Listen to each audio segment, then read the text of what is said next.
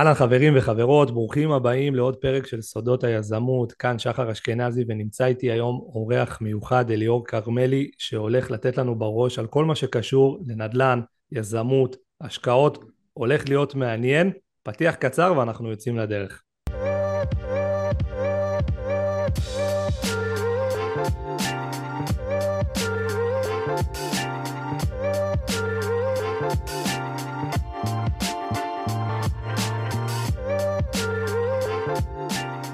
מה נשמע, אליאור כרמלי?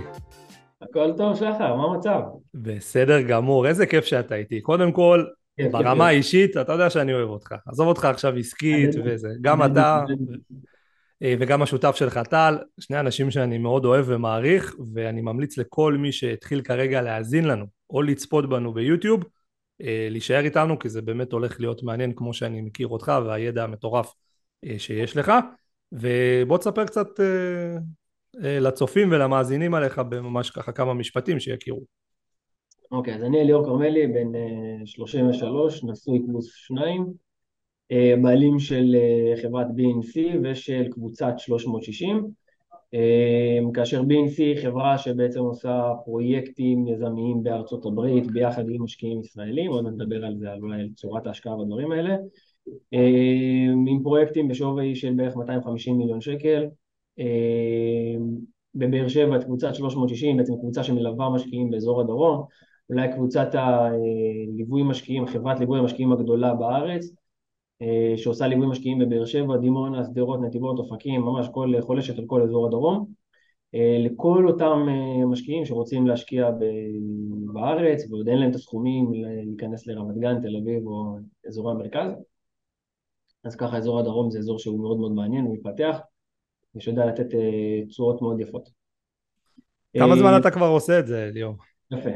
אה, אני התחלתי ממש עם השחרור מהצבא, כבר 12 שנים, 12 שנה בתחום, כאשר זה קצת מצחיק, אני לא יודע כמה זה, אני אפרט פה יותר מדי, אבל אנחנו נזכרים בזה, ודווקא השבוע יצא לי לדבר על זה. התחלתי בתור, אתה יודע, חייל משוחרר שרוצה לטרוף את העולם. ואני בטוח שהרבה הזדהו איתי, ויש את מי שטס להודו, דרום אמריקה, אתה לצורך העניין, ואני מקנא בך איפשהו על הדבר הזה, ואני נזרקתי למקום אחר. כלומר, דיברנו, היה כזה תמיד בעיתונות, וכולם דיברו וזה, ונדל"ן ונדל"ן, ולוקח אתכם לשנת 2011, אה, ו... והחלטתי שאני, בא לי לעשות עם זה משהו. עכשיו תבין, אני חייל משוחרר, אין לי, אין לי יותר מדי. יש לי קצת כסף שחסכתי מלפני הצבא, שעבדתי, אפשר גם אולי טיפה להרחיב על זה, כי אולי זה ייתן קצת פוש, אני לא יודע עד כמה החבר'ה שלך מאזינים, צעירים או לא. יש לי מיקס של, אה, של הכל, אבל דווקא חלק גדול מהקהל שלי זה דווקא גילאי 30 פלוס. אבל אוקיי. יש גם צעירים. אז אני, אני, אני אתן ככה את איך, איך, איך התחלנו. אז אני אגיד לך עוד אחרת, בסדר, עוד, עוד, לפני, אה, עוד לפני הצבא. אני בתור, אני תמיד עבדתי כל החיים. מאז שאני זוכר את עצמי, אה, סופי שבוע הולך נותן שתי משמרות בתור מלצר, ויוצא עם חברים בערב אחד וחוסך את הכסף. בלי לדעת למה, לא יודע למה, מה בער בי, מה גרם לי לעשות את הדבר הזה. יכול להיות שזה מבוסס על אה, דברים מהבית, אני לא יודע, אין לי היום תשובה מספיק טובה לתת לזה, אבל איפשהו תמיד אה, חסכתי כסף והחיסכון היה בעובר ושב. כלומר לא חיסכון עכשיו איזשהו מקום, זה פשוט שכב בעובר ושב. ואני מלצרתי ב... אה, שהשתח... שכבר סיימתי את, ה... את התיכון לפני הצבא, הלכתי למלצר בקפה ג'ו, ואתה יודע, אתה מקבל מעטפות, מזומן, זה נחמד, מפקיד אותם בבנק, ובאחת הפעמים הפקידה שככה כל איזה שבוע שבועיים הייתי קופץ ומפקיד את אותם מעטפות כי לא הייתי רוצה שהמזומן נשכב בבית אמר לי, תגיד לי, למה אתה לא עושה פיקדון? תעשה איזושהי הוראת קבע, שכל חודש ירד לך סכום כסף, תגדיר מה שאתה רוצה, שיהיה לך איזשהו פיקדון מסוים. עכשיו אנחנו מבינים שאתה יודע, קצת אה, עבדו עליי הבנק, כן? הבנק עשה עליי כסף עם פיקדון כן. של... כאילו הבנק אמר לך, תשמע, בוא תביא לנו כסף שנוכל להלוות אותו לאנשים אחרים ולהרוויח תשואה. בדיוק, אבל, אבל איפשהו היא גם אה, שינתה לי את החיים מבלי שהיא שמה לב, מבלי שאני בטוח שהיא יודעת. אני הייתי מפקיד כל חודש 4,500 שקל, היה יורד לי הוראת קבע לטובת הפיקדון. כלומר, עובר ושב, עובר לטובת, לטובת הפיקדון. וכשהשתחררתי אז שיניתי את זה, כי כבר באמת, כשהתגייסתי, סליחה, שיניתי את זה, כי כבר לא יכולתי לעמוד במספרים האלה, אבל עדיין, בערך אלף שקל היה יורד לי כל חודש לטובת, ה, לטובת איזשהו אה, קופת חיסכון כזאת אה, בצד. ואומנם לא הרווחתי על זה יותר מדי, או אפשר להגיד לא הרווחתי על זה בכלל, אבל זה נתן לי את ההון העצמי הראשוני שהייתי צריך כשהשתחררתי מהצבא. וכשהשתחררתי מהצבא, וכמו שאמרתי מקודם, כולם כזה דיברו על נדל"ן, אז החלטתי שאני רוצה ללמוד את התחום ולהיכנס לזה לעומק, ושמעתי על כל מיני סיפורים על אנשים שעשו אקזיטים, כלומר קנו בתים, שיפצו ומכרו בתקופות מאוד מאוד קצרות עם רווחים מאוד גדולים, ואמרתי אין מצב, זה כאילו, זה, אם זה אמיתי אני, אני רוצה להיות שם. אז הלכתי, עשיתי קורס, למדתי במכללה שכבר לא קיימת היום, מכללה שנקראת Cashflow. אמ, למדתי, הבנתי... מה זה של רוברט קיוסקי? של כאילו כן. המשחק שלו, על בסיס המשחק שלו? בדיוק, זה כזה מבוסס בדיוק וואי, איזה ישן זה, כן. ממש ישן. וואי, החזרת אותי לצבא עכשיו שקראתי את הספר שלו פעם ראשונה. ואז החלטתי שאני רוצה, שאני רוצה להיכנס לזה, וכמו, אתה יודע, by the book הזה, כמו שאומרים, מה לעשות, חקר שוק, הולך עושה חקר שוק, והחלטתי להתמקד בעכו. והגעתי לעכו בגלל שענת אשתי למדה בטכניון, ואמרתי, אוקיי, יהיה לי מקום כזה לישון, שאני יכול לישון בחיפה, ולעשות את הנסיעות לעכו, התמקדתי בעכו בלי יותר מדי סיבות, בעיקר בגלל שזה הזול, כלומר אני חייל משוחרר בלי שקל על התחת, וחוקר את השוק ועובד קשה וחוקר וחוקר וחוקר, ומגיע לאיזושהי עסקה אחרי באמת משהו כמו ארבעה חמישה חודשים שאני קורע את התחת וחוקר ולומד. זאת אומרת ארבעה חמישה חודשים אתה נוסע לשם כל פעם, ישן אצלה, הולך, עושה את כל הקרחנה הזאת ולא לא רואה תוצאות בינתיים. לא רואה תוצאות. רואה, אתה יודע, בהתחלה עושה שאלונים ולומד, ואני מרגיש שאני כבר אה, מתמצא בסביבה ברמה מאוד מאוד טובה כבר, עכשיו אתה מגיע לעיר שאתה לא מכיר, לא מכיר את השכונות, לא מכיר את האנשים, לא מכיר מספרים, לא מכיר כלום. מטורף. מנסים להוריד אותך בינתיים? אנשים? אה, סביבה אולי, אה, חברים, איזה? עוד מעט נדבר על עוד שנייה נגיע לסביבה, אבל כן, יש, יש. גם יש, אתה יודע, יש את הקולות הפנימיים של מה עכשיו, עוד פעם את הנסיעה הזאת, ועוד פעם זה, וזה גם מאוד קשה, הלבד, ולהסתובב, וזה חם, היה מאוד אה, לא קל, ובסוף אתה מגיע לא, לאיזושהי עסקה שנתתי על איזושהי הצעת מחיר, על איזושהי דירת ירושה, והמתווכת חוזרת אליי ואומרת לי, ההצעה שלך התקבלה, תביא את טלפון של עורך דין. ואתה יודע, הדבר הטבעי הראשון שכולם עושים, אני חושב, בסיטואציה מהסוג הזה, זה לשמוח. כאילו, זה לרצות, אה, אתה יודע, לקפוץ עד הגג עכשיו ולהגיד איזה טירוף, סוף סוף העבודה הקשה שלי השתלמה והגעתי לעסקה שאני רוצה, אני קיבלתי את זה בצורה אחרת לגמרי. אה, לא יודע אם להגדיר לך רעדה, אבל רעדו לי הביצים, פחד, אימים, מה אני עושה, מה אני עושה, מה אני עושה, מה אני עושה, ממש מפחד. כי זה עובר, עובר מתיאוריה לפרקטיקה, וזה שלב שהרבה אנשים לא, זה כאילו אוקיי עד עכשיו תכננתי, זה מה שאני אעשה, ועכשיו שרקו את שריקת הפתיחה, יאללה, מתחילים. אתה יודע, זה כמו, כמו שחקן, שחקן כדורגל, תן לו לשחק בשכונה, השחק הכי טוב שבעולם. הוא יהיה רונלדיניו. שזה אמיתי, פתאום אתה יודע, רועדות הרגליים, קהל, זה, זה רשמי. אז, אז גם פה, זה, זה פתאום הפך להיות רשמי, ורגע, אני עכשיו הולך לקנות דירה, מה, אני, הילד בן ה-21, עכשיו 22, הולך לקנות דירה במאות אלפי שקלים, מה, מה, מה, מה קורה פה? ואז אתה יודע, באמת, אתה הולך לסביבה התומכת שלך, להורים, ו... היא לא הייתה כל כך תומכת, למה אם, אם נגיד את האמת. ככה זה, זה טבעי. שני ההורים שלי שכירים, לא היה להם השקעות נכון לאותה תקופה. מאוד, אתה יודע, בית עבודה, בית עבודה. לא עשירים, גם לא עניים, איפשהו, אתה יודע, מעמד ביניים כזה. ולא יודעים מה זה השקעות, לא באים מהעולם הזה.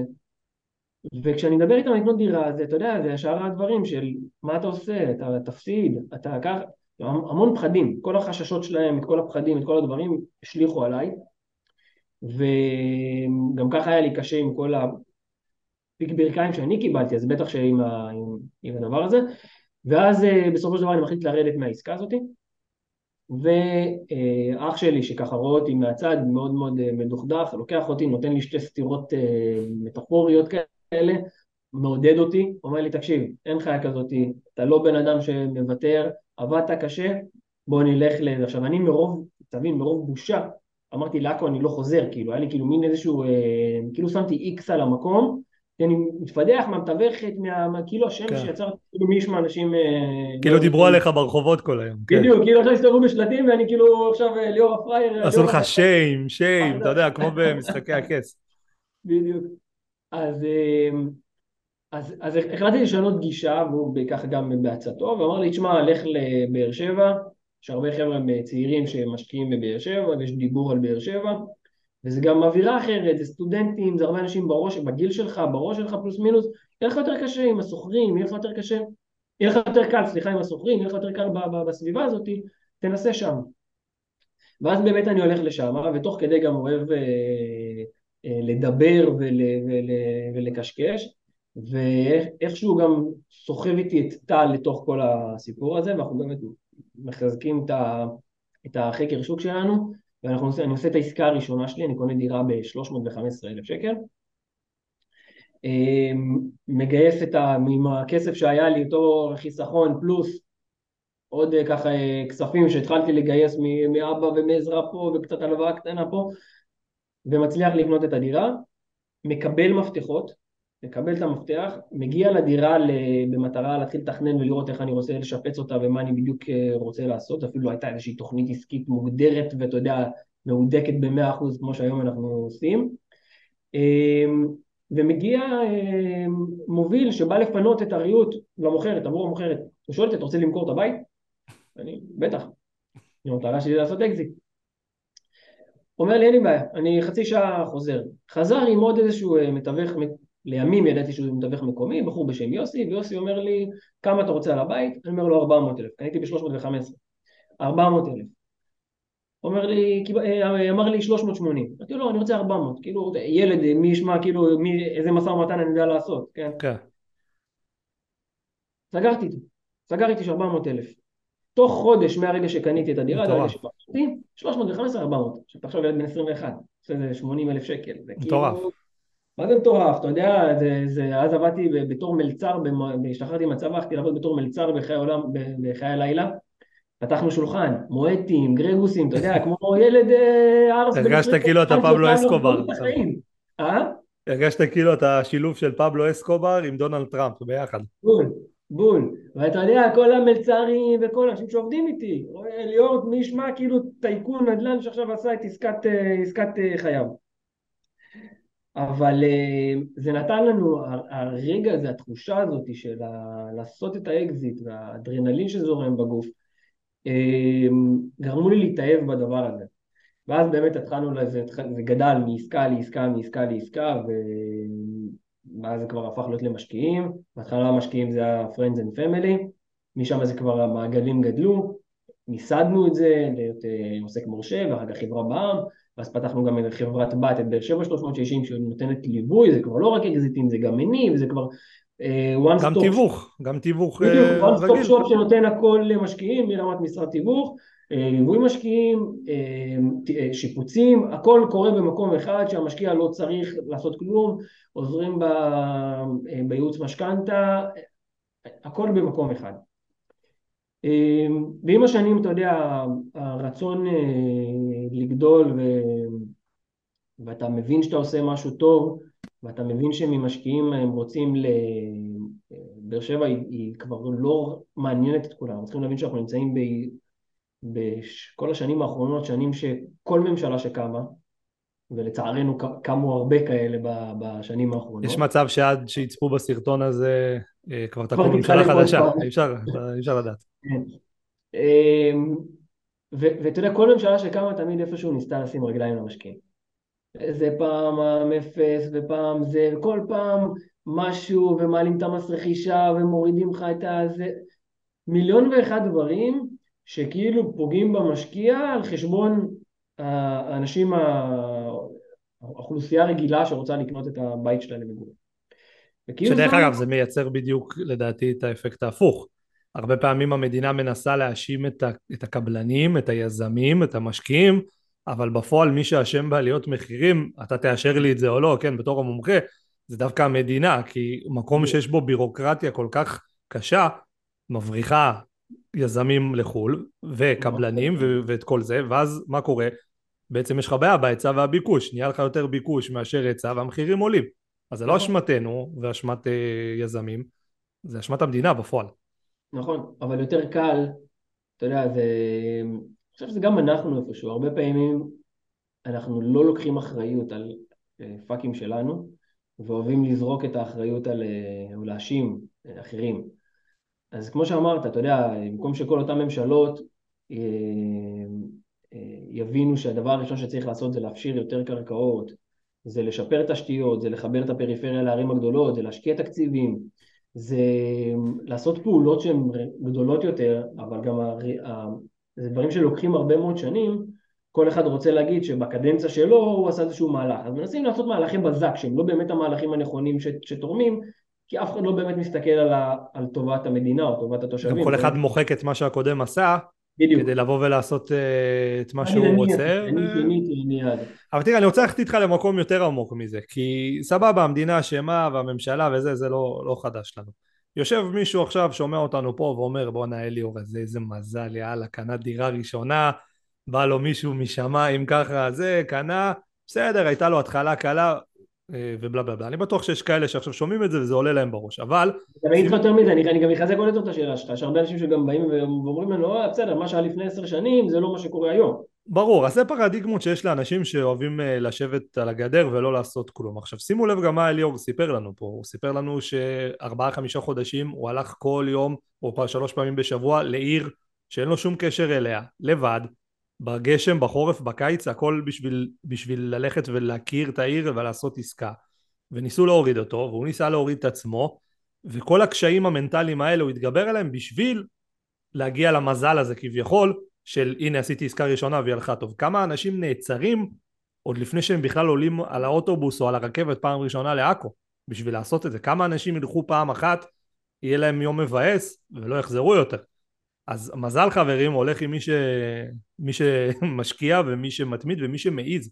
אם אתם לא מעיזים, אז תמיד זה בסדר, אתה יודע אליאור, בבאר שבע תמיד הייתי שומע סיפורים עם משקיעים.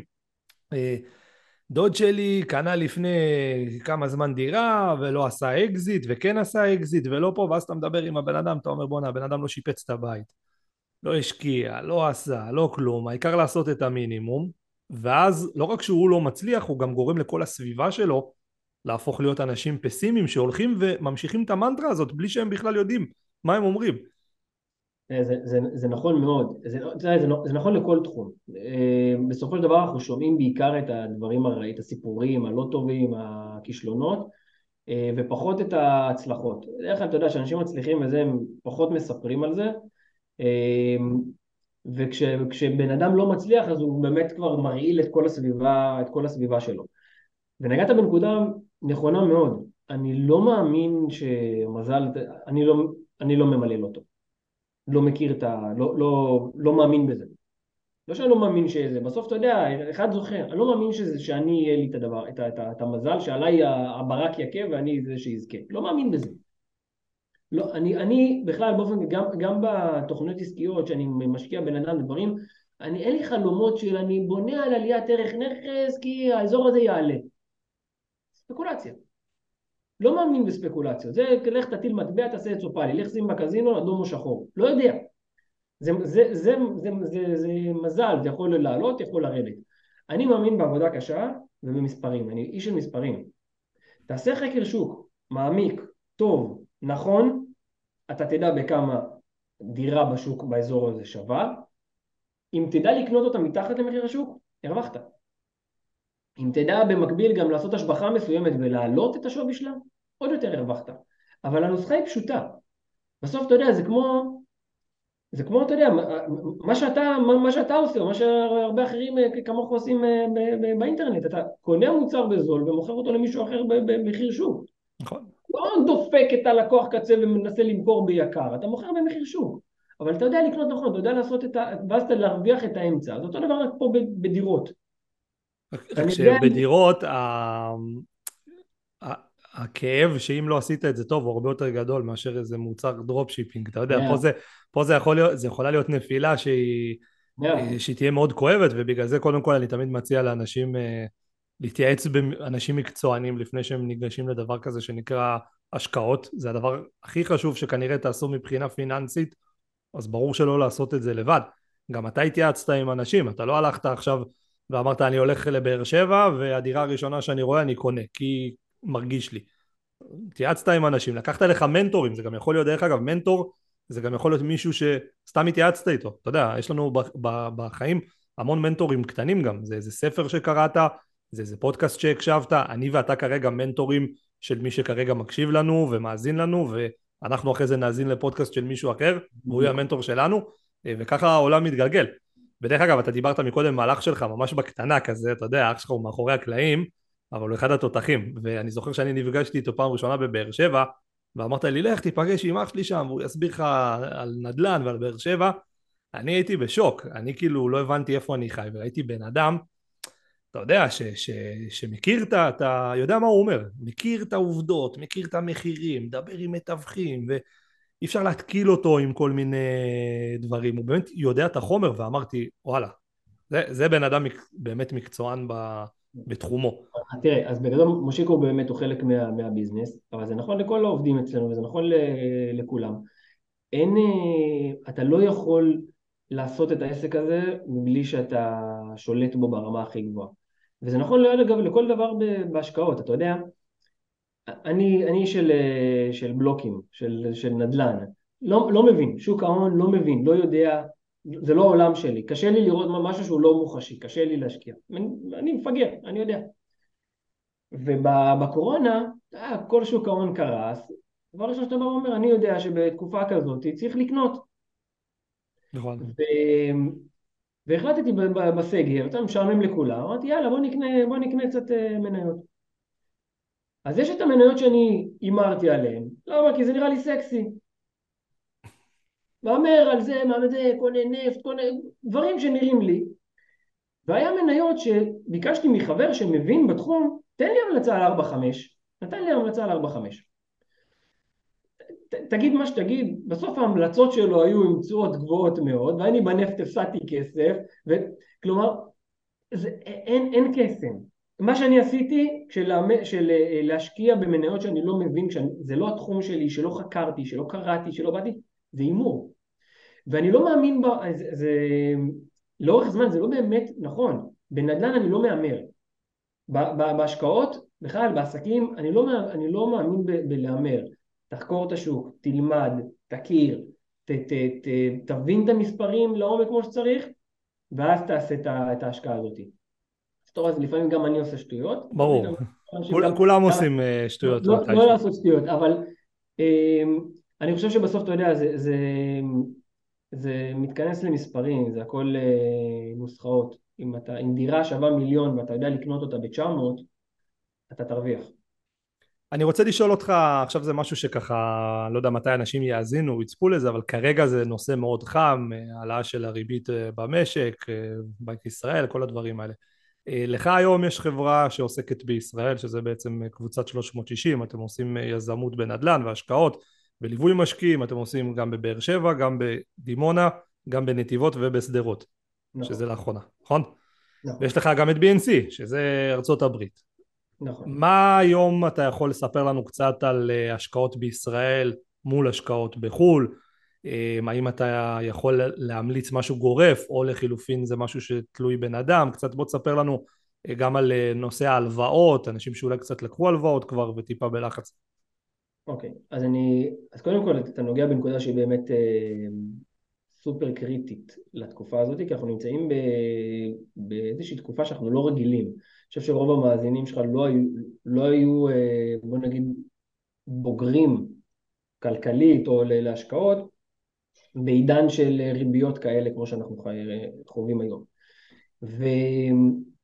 ואנשים עדיין חושבים שאנחנו שנה אחורה או כמה חודשים אחורה ואנחנו עדיין בריביות מאוד מאוד נמוכות ועושים שטויות כי אם אני אקח אותך שנה אחורה, היה הרבה מאוד פרסומים, גם בנדל"ן, בוא תקנה, בוא תשקיע, בוא תעשה קורסים בלא יודע מה עם נדל"ן עם 0% הון עצמי, ואז אומרים לך איך אתה עושה את זה ב-0% הון עצמי? ניקח משכנתה 70-75% מימון ואת היתרה ניקח בעוד הלוואה משלימה. אין את המציאות הזאת היום. אי אפשר, מה, זהו, אתה נחנק, אתה לא יכול לעשות את זה. בדיוק, הריביות הן כבר כל כך גבוהות שאתה סביר להניח שתפסיד כסף, או שהעסקה צריכה להיות באמת מאוד מאוד רווחית, ואז גם התזרים כנראה יהרוג אותך. אז אתה גם צריך להיות בן אדם שיודע לעמוד בתזרים, וגם העסקה צריכה להיות מאוד מאוד רווחית כדי בכלל לעשות כזאת עסקה, זה לא באמת קורה. תוסיף על זה גם מיסוי וכל מיני דברים כאלה, זה לא קורה. אז מה שאני כן ממליץ, למי שיש, ולצערי, זה המציאות במדינת ישראל, מחירי הנדל"ן עלו. אז כבר הון העצמי שאנחנו צריכים זה לא אותו הון עצמי שאני התחלתי לפני 12 שנה, עם 70 אה, אלף שקל אתה יכול להתחיל לעשות עסקה, או עם כמה עשרות אלפי שקלים אתה יכול לעשות עסקה. במציאות של היום אתה צריך 250-300 אלף שקל במינימום של המינימום, לא משנה איפה אתה... וזה בשביל פריפריה. זה לעשות, וזה בשביל פריפריה. אם אתה לוקח את כל ההוצאות הנלמות ואת עלות הדירה ומיליון ואחד דברים, בסוף זה מה שאתה צריך, 250-300 אלף שקל. אז אם זאת העסקה הראשונה שלך, היחידה שלך, ויש לך את ה-250-300 אלף שקל, אז כן, באמצעות משכנתה, לך תקנה דירה שתניב לך באר שבע, דימונה, לא יודע מה, את ה-4.5-5 אחוז אה, תשואה, היא תחזיר לך את המשכנתה, תשמור לך עוד איזשהו קצת אה, אה, כמה מאות שקלים cash flow ככה לשפר את, ה, את האיכות, ולאורך זמן אתה תמכור את הנכס כנראה במחיר יותר גבוה, אם ידעת לקנות טוב.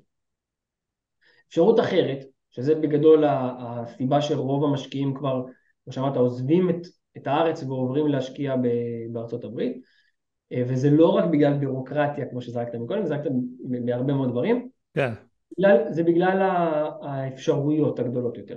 כלומר, אנחנו בארצות הברית כבר לא קונים דירות למשקיעים ברמה הפרטית, אנחנו עושים פרויקטים יזמיים, אנחנו בונים בניינים, עושים שכונות, עושים פרויקטים יזמיים גדולים יותר. אבל אז את המשקיע הקטן, הוא לא יכול לעשות בניין. אותו משקיע שיש לו 100, 150, 200 אלף שקל לא יכול לבנות בניין בברוקלין. אבל אם אותו משקיע שמגיע אלינו, חברות דומות למה שאנחנו עושים, כן, לא, לא המצאנו את הגלגל, אמ, ביחד עם עוד 20 משקיעים, אז כבר כן יש הון עצמי מספיק גדול כדי לעשות פרויקט יזמי מספיק יפה שיודע לתת רווחים ותשואות יפות, כדי שבסוף הפרויקט נחלק אותם, ואז אתה כבר מדבר על תשואות דו ספרתיות מאוד גבוהות, מאוד יפות, כולם מרוצים. כלומר, ואז זה המודל הזה, מה שאמרתי עכשיו, של אה, השקעות כאלה בארצות הברית, מתאים לכל מי שיש כבר דירה בארץ, ואז המיסוי הורג אותו, המס רכישה, המס שבח, כל הדברים האלה הורגים אותו, אז עדיף לארצות הברית, שם הוא יעשה תשואות יותר גבוהות.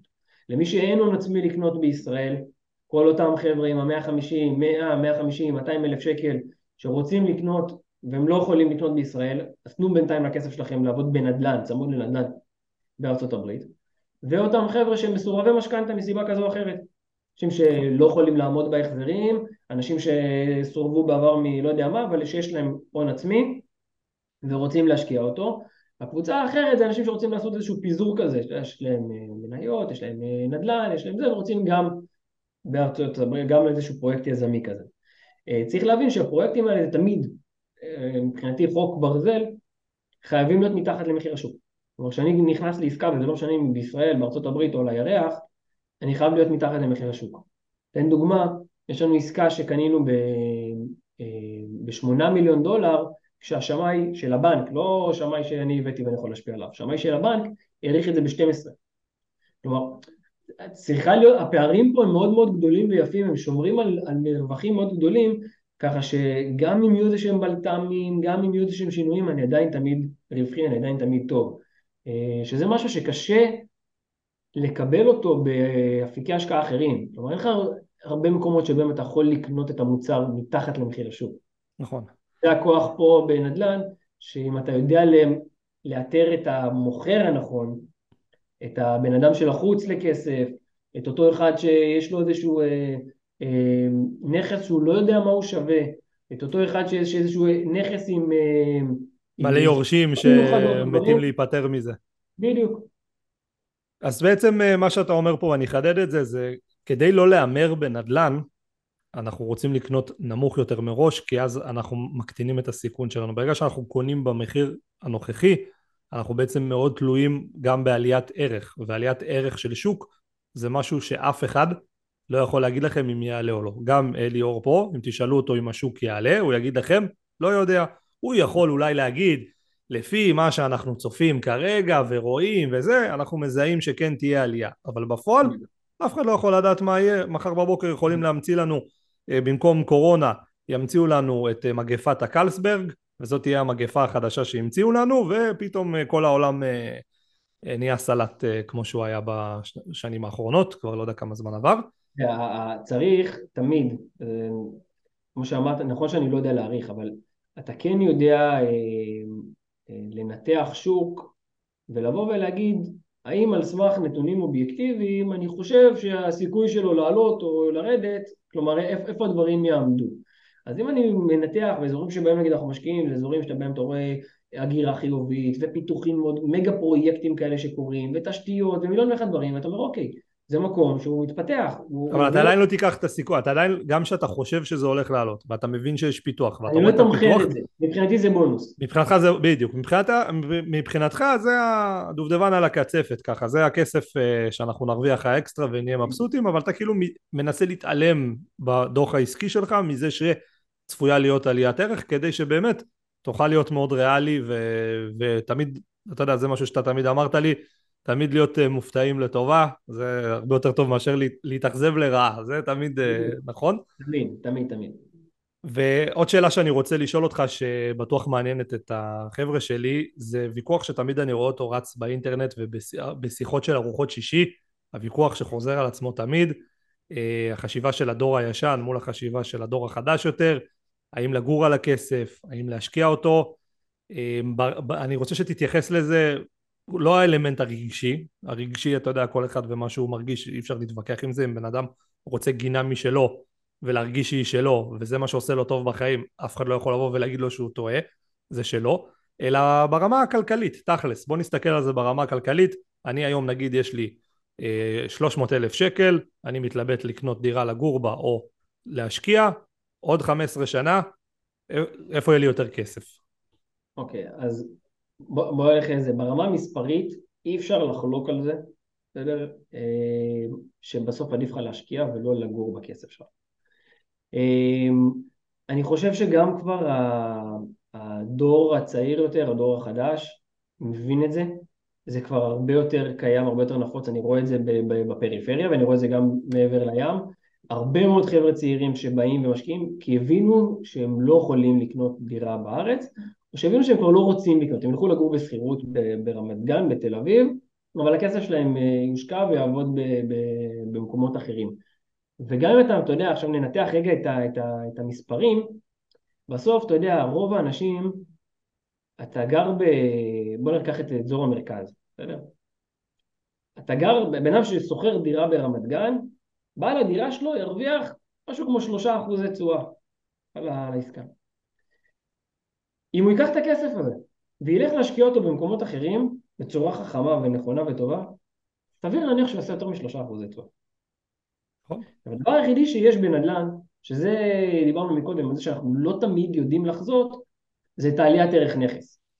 כלומר, הרבה אנשים יגידו לך, שמע, אבל רגע, נדל"ן זה לא רק השכירות שאתה מקבל, זה גם היום הנכס שלך שווה משהו, ובעוד שנה, שנתיים, עשר, הוא שווה משהו אחר. אבל ב... כשאנחנו משקיעים, אנחנו תמיד יכולים למכור את הנכס כשהייתה את העלייה והגענו לפיק ולהמשיך הלאה. כלומר, כשאני קניתי את, ה... את הדירה הראשונה וקיבלתי את ההצעה של ה-400, כמו שנתתי מקודם, ההחלטה הייתה מאוד אה, לפי מספרים, עושה שכל, יאללה ממשיך הלאה, התקדמתי, גלגלתי את הכסף לעסקה, לעסקה אחרת. כשאתה בדירה למגורים, מה תגיד לילדים שלך? אמ, יאללה בואו... אבא רוצה לעשות עוד 200 אלף שקל אז אנחנו עוזבים את הבית ספר. בדיוק, הבית הספר שלהם שם, החברים, החינוך, זה הבית שלהם, הם רגילים, יש פה, יש כבר יש משהו, משהו רגשי.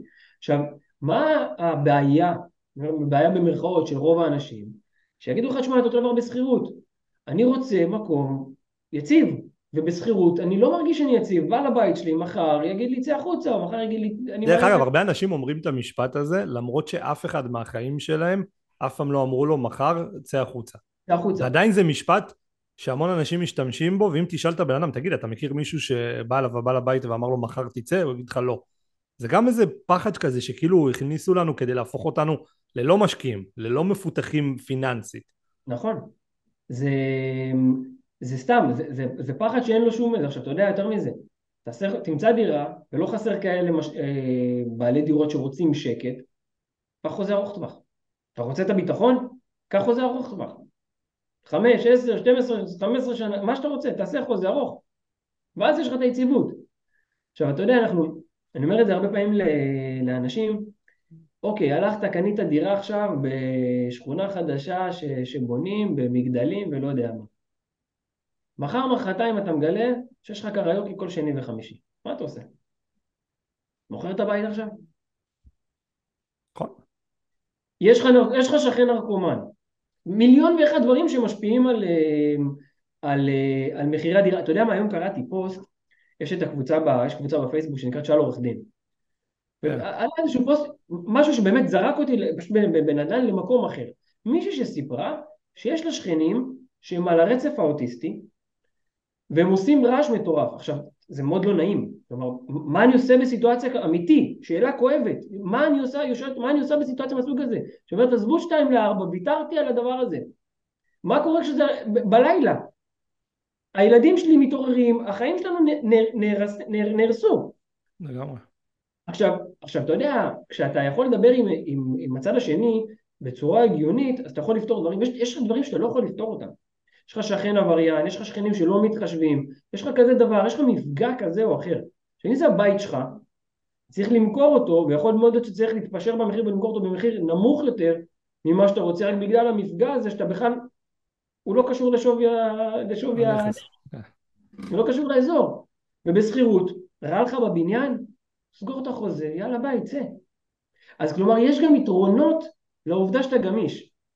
אני אוהב את הגמישות הזאת, אני יכול להגיד לך שאני אני חופר לאשתי המון על אה, אולי לעבור לחו"ל לאיזה תקופה, אולי פה, אולי שם, פתאום אולי נדלק, נלך נגור עוד יותר דרומה. אתה יודע, החלום קיים, זאת אומרת האופציה קיימת. אני אומר כאילו, במידה ואני רוצה לעשות את זה, זה פשוט החלטה ולעשות, זה לא עכשיו טירוף. אה, לעומת אם הייתי גר כרגע על הכסף שלי, מה שנקרא. דבר שני, לי באופן אישי זה גם נותן שקט בלילה שאין לי הלוואה כזאת גדולה על שמי. זה עושה לי טוב לדעת שלא, אני לא חייב לאף בן אדם עכשיו מיליון שקל לבנק. אה, לי באופן אישי זה, זה היה מפחיד אותי אם היה לי כזאת הלוואה גדולה. גם כשעשיתי השקעות בבאר שבע איתכם, אה, נכון. אז זה היה עדיין משכנתאות מאוד מאוד קטנות יחסית. זה כמה זה היה? 300 אלף, כאלה, כל מיני 400 אלף, זה לא, זה לא, לא שאני מזלזל בזה, כן, אבל זה לא מיליון שקל, זה לא מיליון 200. היום, כל שנה, לפי מה שנראה לי, הסכום משכנתה עולה ועולה ועולה, שאנשים לוקחים על עצמם.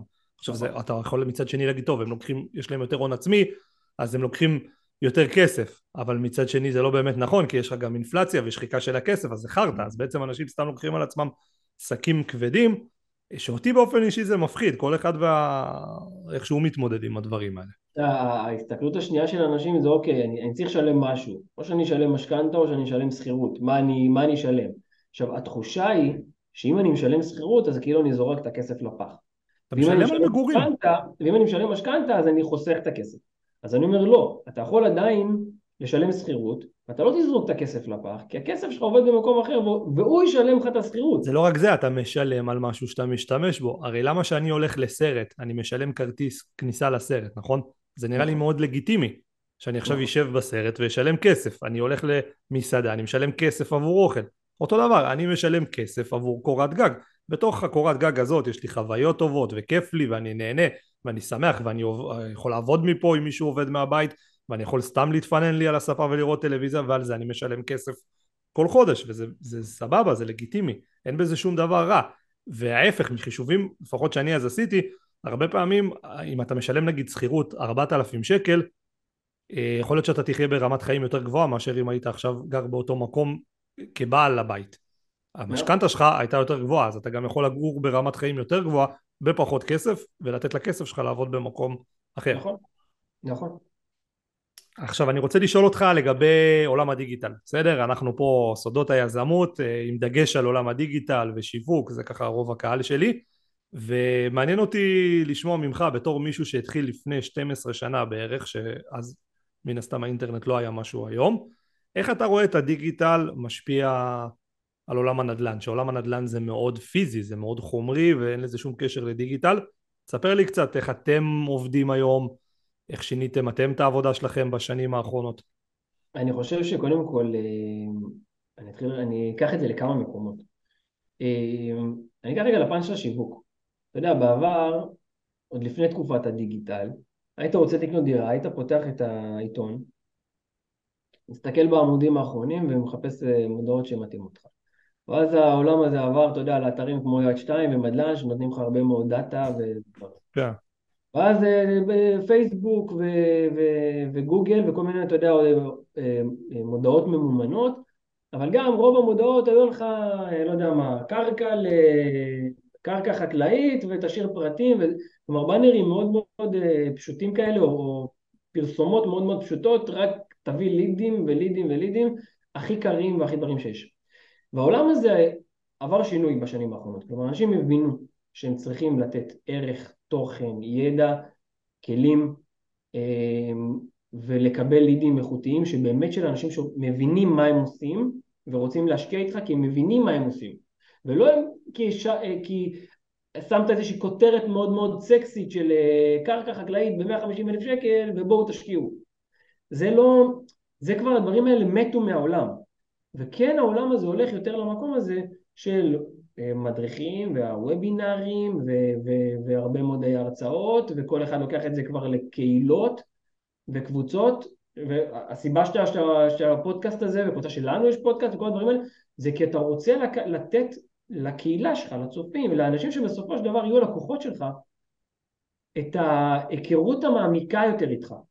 לבוא להגיד להם חבר'ה אני לא סתם עוד חברה אני מישהו מאחורי החברה הזאת, אני הבעלים של החברה, ויש לי ידע, והנה תראו מה הידע שלי, ויש לי ניסיון, ותשמעו את הסיפורים שלי, ותראו את הדברים, ותעקבו אחריי, ותבינו עם מי שאתם רוצים להשקיע איתי, לא כי החברה פרסמה בצורה מאוד מאוד יפה בטלוויזיה, כי אתם רוצים להשקיע עם החברה הזאת כי אתם מבינים מה מהות ההשקעה, אתם מבינים מה הסיכונים, מה הסיכויים, ואז זה הרבה יותר, הרבה יותר קל. אני חושב שגם בכלל בכל העולם הזה של השקעות, זה כבר הלך למקום הזה, למקום של הרבה יותר אה, לתת, הרבה יותר שירותי, הרבה יותר הסתכלות כבר על הלקוח, ופחות אני, אני, אני. בעיצובים יפים כאלה. שדרך אגב זה גם אה, שינוי שבכלל כל, כל עסק אני לא מציע לו, תנו ערך, תנו לאנשים מהלב בלי תמיד לבקש בחזרה ומי שכבר רוצה לקנות מכם ידע כבר לבוא ולחפש אתכם ואז גם העסקה תהיה הרבה יותר טובה כי זאת נכון. עסקה שבאה אחרי היכרות זה תמיד הרבה יותר טוב מאשר מישהו שאתה יודע אתה עוד עושה פגישות פיזיות אני לא כן?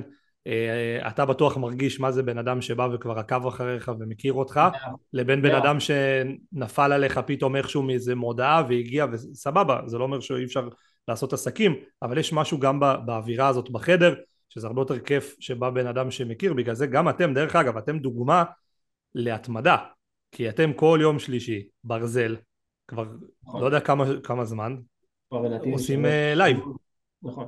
לא משנה מה, אה, נולדים ילדים, לך ולטל, אה, ילדות. אתם, לא יודע מה קורה איתכם, אתם בארצות הברית, אתם פה, אתם שם, כל יום שלישי, ברזל, אתם עושים את, ה, את הלייב הזה, לא משנה כמה מגיעים, לא מגיעים, כן מגיעים, מגיעים מלא, מגיעים פחות, אתה יודע, כל וובינר תמיד זה תלוי גם בחשיפה של פייסבוק, וזאת התמדה. זה לבוא ולתת ערך לקהל שלך באופן קבוע ולהגיד לו הנה אני פה, אני לא מפקיר אותך, אני לא עוזב אותך, אני פה גם שבוע הבא וגם שבוע הבא אני אבוא לתת לך. נכון. וזה משהו שאני מאוד מעריך אצלכם. זה הרבה מאוד, זה עוד הרבה מעבר, אבל כן. לא, זה דוגמה, אתה יודע, דיברנו על הדיגיטל, זה דוגמה כאילו איך התמדה דיגיטלית נראית, כי אני יכול להגיד לך שאני הרבה פעמים קשה לי להתמיד עם הפודקאסט הזה לצורך העניין. אתה יודע, דברים קורים בחיים, אתה פתאום זה, אתה פתאום אומר בואנה אני לא... הילדים, עבודה, אתה יודע, אתה אומר מה עכשיו אני אצא ואצלם, מה עכשיו עליי, מה עכשיו אני זה, מבזבז שעה מהחיים שלי בשביל מי יקשיב לי או לא יקשיב לי, כל הדברים האלה. שעוד פעם, זה תמיד יש לנו בראש את, ה... את הדברים שמרימים לנו, את הדברים שמורידים לנו, ואנחנו רבים עם עצמנו בראש. נכון. ואם אתה יודע להילחם ולהשתיק את הרעשי רקע האלה, אז אתה תמשיך לעשות את נכון, תמיד יש לך בסרטים המצוירים, יש לך את המלאך ויש לך את השטן. בדיוק. אז ליזם אין מלאך ושטן. יש לו, יש לו את המעודד, אתה יודע, זה שבא לך עם פונפונים, אתה מסוגל, אתה מסוגל, כל הכבוד, ויש לו את המוריד, זה שבא מהצד השני, לא, עזוב אותך, שמע, לך תשב תראה טלוויזיה עכשיו, מה אתה צריך את זה? על הראש? ככל שנקשיב יותר, אף אחד לא מקשיב רק למעודד, דרך אגב, אף אחד לא יכול להגיד שהוא מקשיב לו, כולנו מקשיבים גם לזה שמוריד אותנו ואומר לנו להיות קצת עצלנים, המטרה היא להקשיב כמה שיותר לזה שמעודד אותך וכמה שיותר להרים את עצמך ולעמוד במחויבות ששמת ובמיוחד בעניין הזה של דיגיטל ו- ולהשקיע בתכנים זה סופר סופר חשוב. הנה אני עכשיו למשל פרסמתי באחת הקבוצות וואטסאפ שלי שיש לי איתך את השידור. אז מישהי רשמה אני עוקבת אחריו גם אחריך כאילו נראה בחור מאוד טוב עושה רושם חיובי תשאל אותו משהו על יוון. אני לא אשאל אותך על יוון כי אני יודע שזה פחות אה, יכול לשאול, הכל טוב. אני יכול לשאול אותך, תראה, אולי יהיה לך תשובה לזה, אבל זה רק מראה לך כמה, כמה גם העולם שלנו פה קטן, המרחב מאוד קטן, ומכירים, ואם אתה נותן ערך, אנשים מכירים. נכון. אני רק אגיד רגע עוד משהו לגבי העניין, אתה יודע, הקדמה, הטכנולוגיה, כל העולם הדיגיטלי. אמ, בעבר, אמ, פרויקטים יזמיים, או אפילו עסקת דירה בבאר שבע, הייתה מאוד אמ, איך אני אגיד את זה, אולד פשן כזה מבחינת המעקב אחר אה, חשבוניות או תשלומים או דברים כאלה, ניקח אותך אפילו לעולם של, של העסקה שאני, שאנחנו ביצענו ביחד, אז אתה יודע, אולי הייתה לך איזושהי תיקיית דרופבוקס שנזרקים אליה חשבוניות ועולות לשם, כן. נחמד, זה בסדר, אבל זה לא קידמה. אז היום כבר אנחנו עובדים באמת עם תוכנות ועם אפליקציות שאנחנו בונים בניינים ואני יודע מה רמת, רמת הדולר, איפה אני בחריגה ב... בחלונות או בדלתות או בזה, או אם אני במקום שאני טוב יותר או פחות טוב, וכל הדברים האלה גם אחר כך עוברים למשקיעים, עם פורטל משקיעים מאוד מאוד מעניין, כלומר אה, צריך לקחת את, ה, את ה, כמה שיותר להנגיש, כמה שיותר אוטומציות, כמה שיותר אה, לשפר את האיכות, עוד פעם דיברנו על הלקוח, לשפר את האיכות של הלקוח, אני חושב שהשקעות בסופו של דבר, לפני הכל, לפני הרווחים, לפני תשואות, לפני הכל, זה ביטחון.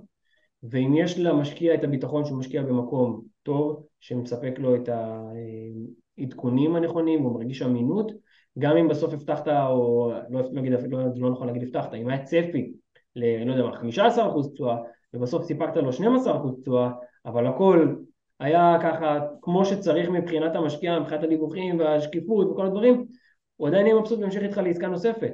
ברור. ולעומת זאת, אם נתת למשקיע צפי של 15% תשואה, וסיפקת לו 18% תשואה, אבל הוא מרגיש שגנבת אותו, שדפקת אותו במהלך הדרך, הוא לא ירצה להשקיע איתך. ולכן אני מאוד מאוד מאוד מאמין בטכנולוגיה ומאוד מאוד מאמין בהעברת והנגשת המידע אה, מרמת השטח לרמת המשקיעים, שגם זה משהו שעבדנו עליו מאוד מאוד חזק בשנה האחרונה, כולל מצלמות שמשלמות, אה, שמשדרות live מתוך הפרויקטים. איזה יופי. משהו מגניב. מגניב, אתה אמרת פה משהו מאוד מעניין, אמרת ביטחון שאתה משקיע במקום נכון. נכון. אה, אז אם מישהו רוצה לראות איך לא משקיעים במקום נכון, יש עכשיו את הסדרה על אה, ברני מיידוף בנטפליקס, אני לא יודע אם יצא לך לראות את זה כבר, אתה חייב לראות את זה, זה פשוט, זה הדבר הכי מזעזע שראיתי, באמת, אה, מומלץ לכם באמת לראות את זה כדי לראות, אתה יודע, אנשים נתקלים בהזדמנויות באינטרנט ובואו תקנו, אתה יודע מה ראיתי השבוע, אתה מת, פרסומת, אני לא זוכר של איזה חברה, נכס דיגיטלי שלך עם רישום בטאבו רישום בטאבו. איזה טאבו? על מי, אחי, על מה אתה, איזה טאבו? אתה מבין כאילו איך מתייחסים למשקיעים בזלזול, שאתה בא לבן אדם ואומר לו איזה טאבו? אתה אומר את זה רק כי זה נשמע מגניב, ואז בא בן אדם לא מבין. לא לא בדיוק, בדיוק, כי אנשים לא מבינים בסוף מה הם עושים, וזה נשמע להם אה, הבטחה מאוד מאוד יפה, וזה מוכלים אותה. לגמרי. לחקור, לבדוק, גם על החברות שאתם משקיעים איתן, תשאלו כמו שאתה אומר, בקבוצות, אנחנו היום כבר נמצאים בעידן שאתה יודע, אתה מפרסם בכל אה, קבוצת אה, נדל"ן או כל קבוצת השקעות שאלה על השקעה כזו או אחרת, אתה תקבל אלף ואחד דעות ואנשים יגידו לך אם זה טוב או לא טוב, או אם החברה הזאת היא טובה או לא טובה. אה, ובסוף שם, שם, שם זה הדבר הכי חשוב. מה היית ממליץ למישהו שרוצה להיכנס לתחום של נדל"ן? הרי נדל"ן, אתה יודע, אפשר ללבוש, ללבוש הרבה כובעים בתחום הזה, אפשר להיות משקיע ויזם ואפשר לעשות כל מיני פרויקטים כאלה ואחרים. נגיד עכשיו יש, שומע אותנו מישהו אין לו כסף להשקיע, הוא לא, לא נתייחס אליו כאל משקיע, מישהו שכן רוצה להיכנס לתחום. מה, מה היית ממליץ לו לעשות? כן, אני, אנחנו נמצאים ב, בדור שרוצה שהכל יהיה אינסטנט, הכל מהיר, הכל כאן ועכשיו. ואנחנו רואים את זה, ב, לצערי, אתה יודע, את זה כל איזשהו אה, אחד עם אה, ארבעה עוקבים באינסטגרם, או בטוויטר, או ב, לא יודע, בטיק טוק, ששמו על עצמו כובע ופתאום הוא אה, נדל"ניסט, או פתאום הוא מומחה בתחום כזה או אחר, כי הוא ראה איזה קורס שהוא יודע לדקלם אותו בעל פה, שהוא בדיוק תרגם אותו מאנגלית. ואני, ואל תהיו כאלה, זה אבל קודם כל המלצה שלי. זה, זה, יש לכם אחריות מאוד מאוד גדולה כלפי הלקוחות, כלפי האנשים. תהיו ישרים עם עצמכם. תעשו עבודה קשה, תתחילו מלמטה, תלמדו את התחום, החלטתם שאתם רוצים להשקיע, אה, לא יודע מה, להיות נדל"ניסטים, מאה אחוז, תלכו לעבוד אצל איזושהי חברה, תלמדו את התחום מלמטה, כמו שצריך, בסוף אין בעיה, תעזבו את החברה, תתפתחו, תעברו עליו. אתה יודע, יש לי לא מעט עובדים שצמחו אצלנו גדלו, ובסוף הלכו להיות מתחרים שלי. זה אומר, שאתה, זה אומר שאתם עובדים טוב. אני לא יודע. אין, אין מה לעשות, כי תשמע, אתה רוצה תמיד לגייס אנשים שיש להם חלומות משלהם, שיש להם אה, חזון משלהם, שיש להם תמונה מנצחת לחיים שלהם, שהם רוצים לשאוף ולהשיג דברים. ואנשים כאלה, יש סיכוי שיעזבו אותך, אין מה לעשות. עכשיו, אתה יודע, בהתחלה זה היה מאוד uh, מרגיז. כלומר, אתה אומר, אני לימדתי אותו, אני זה, ועכשיו הוא הופך להיות מתחרה שלי, כאילו, זה היה מעצבן אותך. כן. בסוף אתה מבין שבואנה, יש בן אדם שם שרוצה להתפתח. הוא לא רוצה להיות עכשיו עובד, עובד uh, בחברה uh, כל החיים. הוא רוצה לגדול, הוא רוצה לעשות משהו, וזה בסדר. והוא יכול לעשות את זה. ותן לו את ברכת הדרך, ובסוף אתה יודע, עם כל החבר'ה האחרונים, שאתה יודע, עם השנים, בשנים האחרונות שעזבו אותנו, כולם קיבלו חיבוק בנשיקה ואת ברכת הדרך ובהצלחה וצאו לדרך ותעשו מה שאתם, מה שאתם צריכים כדי uh, להצליח. אחרי שהרווחתם ו- ולמדתם את הבסיס ואת הידע ביושר ובעבודה קשה, וזה מה שאני מאמין, כלומר, להבין שבמיוחד בעולם הזה של השקעות, דברים כאלה, אתם צריכים, אתם כאן לאורך זמן. והידע שלכם והניסיון זה משהו שאי אפשר, אין לו תחליף. וצריך ללמוד את זה לאט לאט, ואז לעשות את הקפיצות הנכונות והמתאימות, ולא לקחת דברים שאתם לא יכולים בסוף אה, לקחת עליהם אחריות ולעמוד אה, מאחוריהם. מעולה, אני רוצה לשאול אותך שאלה, הרבה פעמים יוצא לי לדבר עם אנשים על זה ש... אתה יודע, הרבה פעמים אנשים מחפשים איך לעשות כסף ואיזה תחום הכי טוב, ובאים ואומרים להם תעשו קריפטו ותעשו שיווק שותפים ותעשו נדל"ן וזה, ואני תמיד אומר לאנשים, הכל טוב, פשוט תבינו מה, מה אתם יודעים לעשות טוב, מה מעניין אתכם, אם תתמידו בזה לאורך זמן, אז זה יהפוך להיות טוב עבורכם, זאת אומרת אין דבר כזה משהו יותר טוב. אתה ב-12 שנים האחרונות, אה, חוץ מנדל"ן, יצא לך לזגזג לעוד כיוונים, לעשות עוד כל מיני דברים, עוד כל מיני תחומים אחרים, או שהיית רק בנדל"ן, ברור שבתוך עולם הנדל"ן זזת אה, למיליון, אתה יודע, התפתחת וגדלת, אבל לא יצא לך לעשות עוד דברים? תראה, אז אמרתי, אמרתי לך, אה, בקורונה היה את הניסיונות האלה ואת ההשקעות קצת בשוק ההון. איכשהו, אתה יודע, בסוף בגלל שאני יזם ואני מעדיף להשקיע את הכסף שלי בפרויקטים שלי, וכשאני יודע מה, אני יודע מה התשואות ומה המספרים שאני יודע לעשות בנדל"ן שהוא גם השקעה בטוחה וגם עם התשואות האלה, אז בסוף מבחינתי זה מנצח. לא אגיד לך שלא אה, פלירטטתי עם הרעיון של קריפטו, אני חושב שבסוף אתה יודע זה עבר לכולם בראש במחשבה, ושוב זה בא מהמקום הזה של אה, ההתעשרות המהירה, של אותה, אותו, אותו אינסטנט, כן. של אה, אותם סיפורים על ההוא שקנה את המטבע כזה או אחר, ותראה היום כמה המטבע שלו שווה ואיזה מיליונר הוא. ו... ובסוף אתה יודע, דיברנו על, ה... על השני האנשים האלה שיש לנו בראש, אז בסוף ירדתי מהקריפטו ואני חוזר רגע למה שאני מכיר ואני יודע לעשות הכי טוב ואני לא מנסה להיות משהו שאני לא. אני לא מנסה, ל... זה לא מעניין אותי. כלומר, אני מאוד מאוד מאוד מפוקס, אני יודע מה...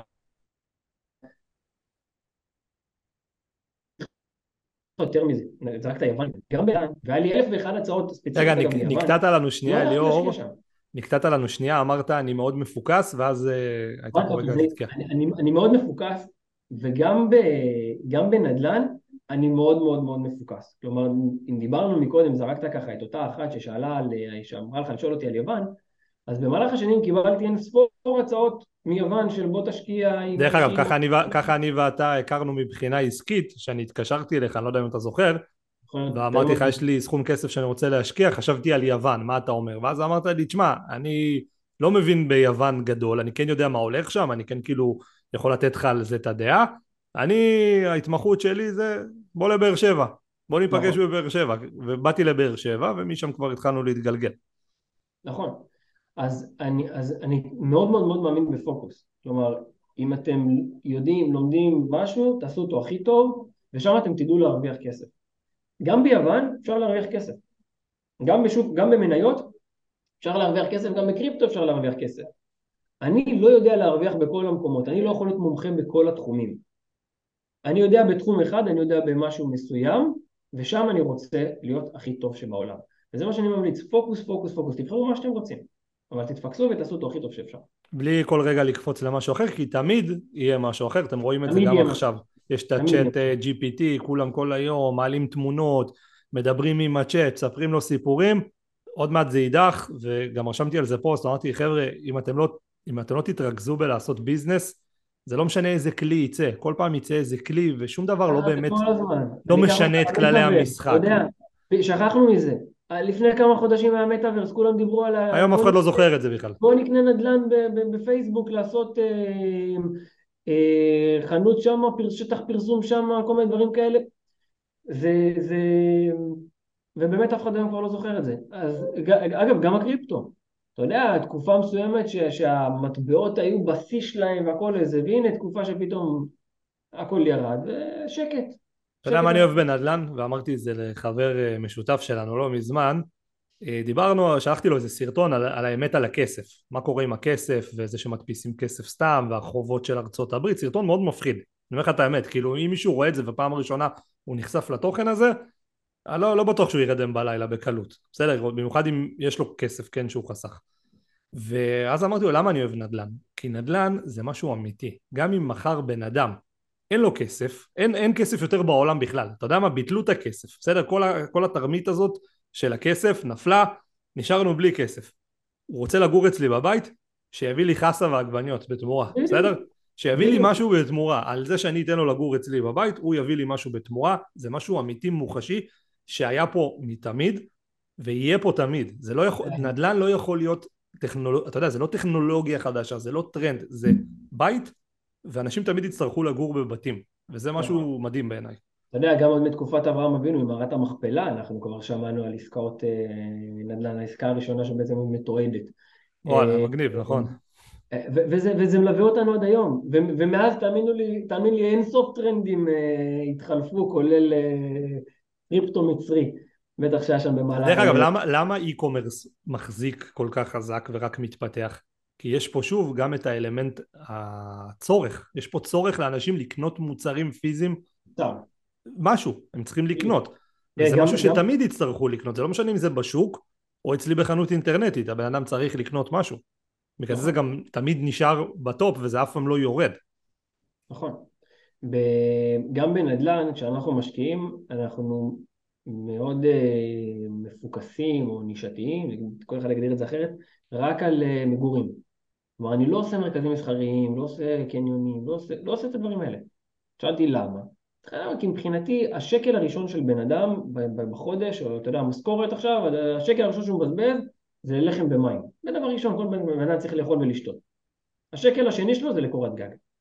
לכן אני אומר, תמיד תמיד יהיה אה, ביקוש למגורים. נכון. עכשיו אתה תגיד לי, תשמע, המחירים ככה, זה יעלה, זה ירד, אבל קודם כל יש דרישה. ולכן זה הנקודת יסוד הראשונה. לגמרי. אני אשאל אותך שאלה שאני שואל את כל מי שבא אליי לפה, לסיום. אה, איזה שאלה היית רוצה שאני אשאל אותך ולא שאלתי? האם יש כזו? אה, לא יודע, אתה יודע, אני, אני יכול לדבר ימים, לא שעות. ימים, בדיוק, אני לא יודע, אין לי איזה משהו. אז זה טוב, אתה אומר שאלתי, סבבה לך. כן, סבבה לך עם מה ששאלתי. כן, כן. מעולה, איזה כיף, אז אה, וואי, איך אני שמח שסוף סוף עשינו את זה, אני דפקתי לך ברז כמה פעמים, אני חייב לציין, אבל אה, הזרמתי אותך היום ובאת, ואני יודע שאתה בן אדם עסוק, אז אני מודה לך, אני בטוח שכל מי שהאזין לזה... ספונטני עובד הכי טוב. אין כמו ספונטני, שלחתי לך הודעה בבוקר, אמרת לי יאללה זורם, נפגשנו אחרי צהריים, יצא טוב, ואני בטוח שהיה מעניין פה לכולם. אה, חברים, כל מי שרוצה לדבר עם אליאור, עם הצוות שלו, יש לכם פה מתחת או לסרטון או לפודקאסט, יש לכם קישור לוואטסאפ ישיר לצוות שלהם, תגידו להם הגעתם דרך שחר, יפנקו אתכם בשירות VIP, ידאגו לכם כמו שצריך, לא שהם לא מפנקים גם VIP בלי קשר, אבל זה סתם בשביל ההרגשה שלי. אה, שווה לכם, אם אתם רוצים לעסוק בנדל"ן, להשקיע, אמ, כל דבר שקשור לנדל"ן באמת אני אומר לכם פשוט דברו עם אליאור וטל, טל זה השותף שלו וכל הצוות שלהם. אה, זאת התחנה הראשונה לדעתי לכל בן אדם שמתעניין בנדל"ן ורוצה להתחיל להשקיע ממליץ מה... מניסיון גם, לא רק, אני לא רק ממליץ זה, אני ממליץ מניסיון שזה מאוד חשוב אז, אה, יאללה, אליאור, תודה שבאת, היה כיף. תודה לך. תודה.